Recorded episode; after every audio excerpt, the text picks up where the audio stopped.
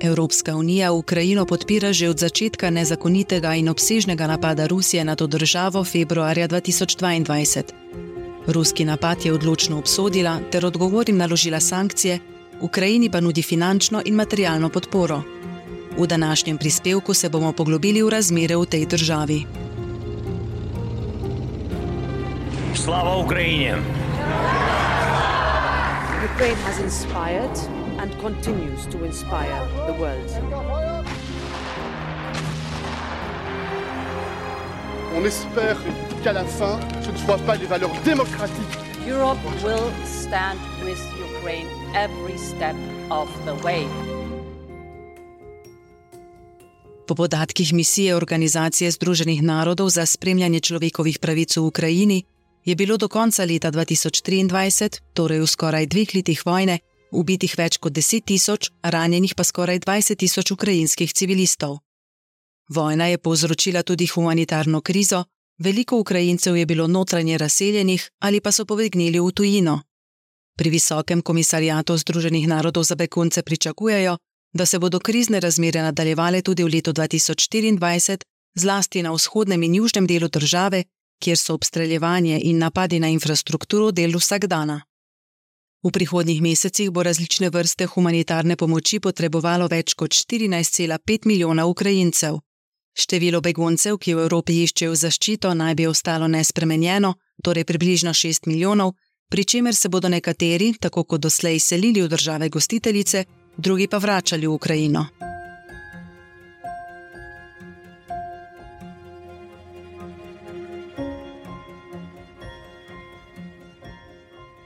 Vojna je močno ohromila tudi ukrajinsko gospodarstvo.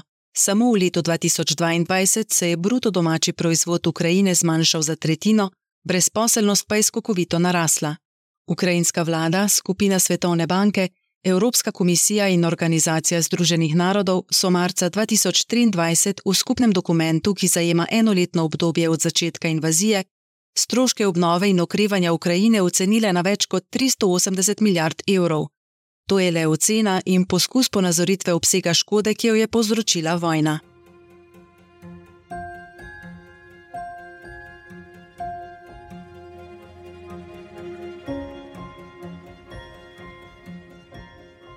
Poleg smrtnih žrtev in gospodarske škode, konflikt dolgoročno vpliva tudi na okolje. Po ocenah ukrajinskega ministrstva za zaščito okolja in naravne vire je zaradi ruskega napada do sredine julija 2023 nastala okoljska škoda v vrednosti približno 53 milijard evrov. Program Združenih narodov za okolje povdarja, da se Ukrajina spoprijema s številnimi krizami povezanimi s kemikalijami, oborožitvijo in vojaško upremo, prisotnostjo širokega spektra onesnaževal in škodo v mestih in naravi. Vojna uvira tudi kmetijsko proizvodnjo v Ukrajini, ki je bistvena za gospodarstvo te države pa tudi za prehransko varnost po vsem svetu.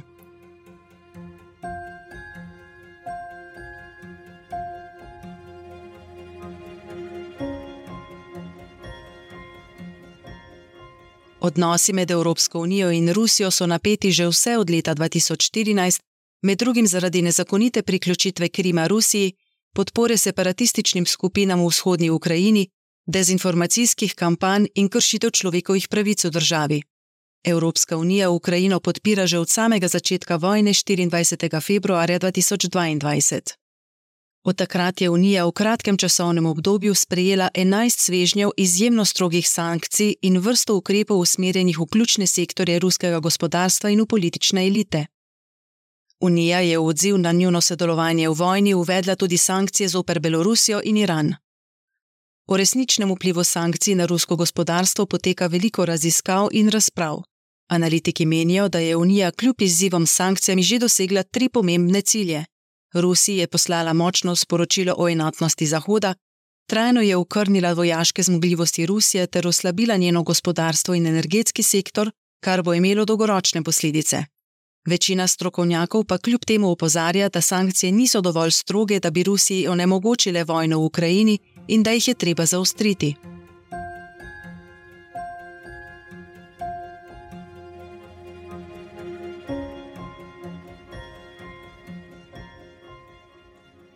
Podpora Unije pa se sankcijami zoper Rusijo še ne konča. Ukrajini nudi namreč tudi gospodarsko pomoč. Od začetka vojne do konca leta 2023 je ta podpora znašala skoraj 85 milijard evrov. To vključuje finančno, humanitarno, nujno proračunsko in vojaško pomoč Evropske unije, držav članic in evropskih finančnih institucij, pa tudi sredstva, ki so na voljo za pomoč državam članicam za sprejemanje ukrajinskih beguncev.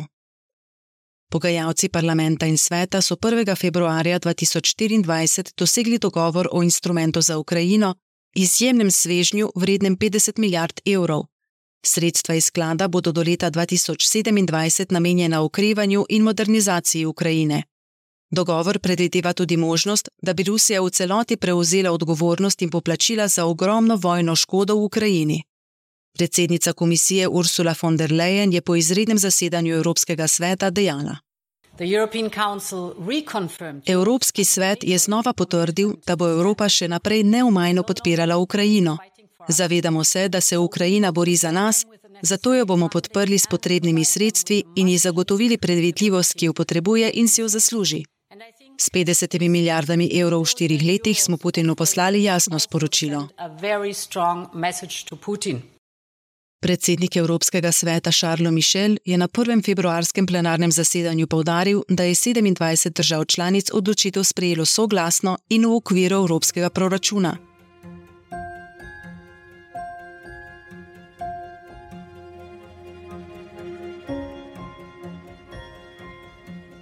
Evropski parlament stroge sankcije močno zagovarja že vse od nezakonite priključitve Krima in Sevastopola Rusiji leta 2014.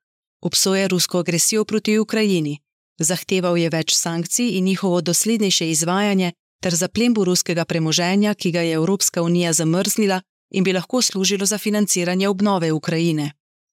Predsednica Evropskega parlamenta Roberta Mecola je kot ena najvišjih uradnic Evropske unije aprila 2022 opravila prvi visoki obisk Ukrajine po začetku vojne in tako izkazala podporo unije tej državi. Dve leti po začetku vojne je v Strasburu dejala: A few weeks after the initial invasion, I spoke in the name of the members of this European Parliament. Nekaj tednov po začetnem napadu sem v imenu poslancev Evropskega parlamenta v Ukrajinski vrhovni radi v Kijevu nagovorila ukrajinske poslance in predsednika Zelenskega. V imenu vseh nas sem jim obljubila, da bomo Ukrajino in njene državljane podpirali, dokler bo to potrebno. Evropa to obljubo drži že dve leti in jo bo tudi v prihodnje. Naša politična, gospodarska, vojaška, finančna, humanitarna in diplomatska podpora je neomajna.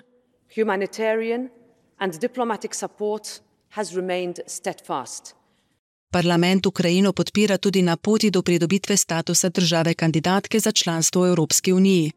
Evropski poslanci so države članice pozvali naj začnejo pristopna pogajanja, kar so decembra 2023 tudi storile. Postopek bo dolgotrajen, saj so poleg prenosa zakonov in predpisov unije v nacionalno zakonodajo potrebne tudi družbene spremembe v državi.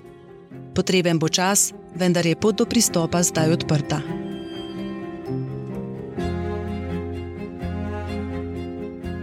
Več podkastov je na voljo na radiju Europarl, spletnem radiju Evropskega parlamenta.